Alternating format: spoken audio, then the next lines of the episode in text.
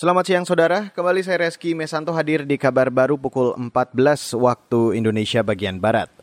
Saudara, Komisi Pemberantasan Korupsi atau KPK memeriksa Ketua Badan Pemeriksa Keuangan Agung Firman Sampurna. Dia diperiksa sebagai saksi dalam penyidikan kasus suap proyek pembangunan sistem penyediaan air minum atau SPAM di Kementerian PUPR.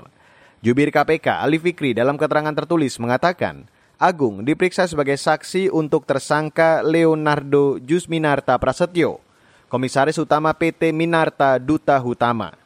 Sebelumnya, Ketua BPK Agung tidak memenuhi panggilan KPK pada Senin kemarin sehingga dijadwalkan ulang hari ini. Dan dalam kasus ini KPK menetapkan tersangka baru yaitu bekas anggota BPK Rizal Jalil dan Komisaris Utama PT Minarta Duta Hutama Leonardo Jusminarta Prasetyo. KPK menduga Rizal menerima suap sebesar 100 ribu dolar Singapura atau sekitar 1 miliar rupiah dari Leonardo untuk mendapatkan proyek.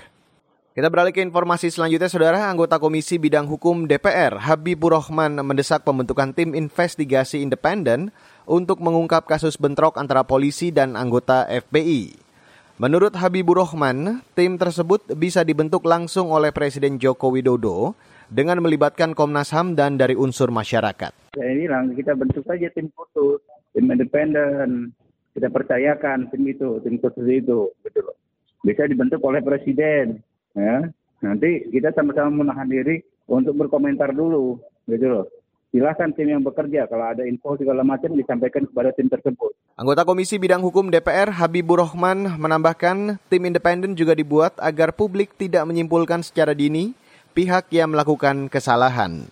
Selanjutnya, Habibur Rahman akan mengusulkan pemanggilan Kapolri Idam Aziz kepada Komisi 3 DPR RI untuk memberikan penjelasan terkait kejadian yang menewaskan enam anggota FPI.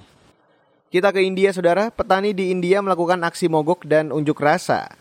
Aksi dilakukan karena buntutnya perundingan dengan pemerintah terkait reformasi agraria. Para petani memprotes undang-undang reformasi yang merugikan kepentingan mereka. Aturan yang disahkan tiga bulan lalu itu dinilai pro pasar.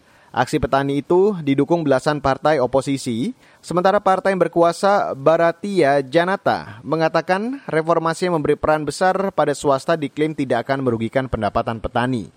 Aksi demo dan mogok petani yang mengepung ibu kota New Delhi ini sempat diwarnai bentrok dengan polisi dan pasukan paramiliter. Demikian kabar baru KBR, saya Reski Mesanto.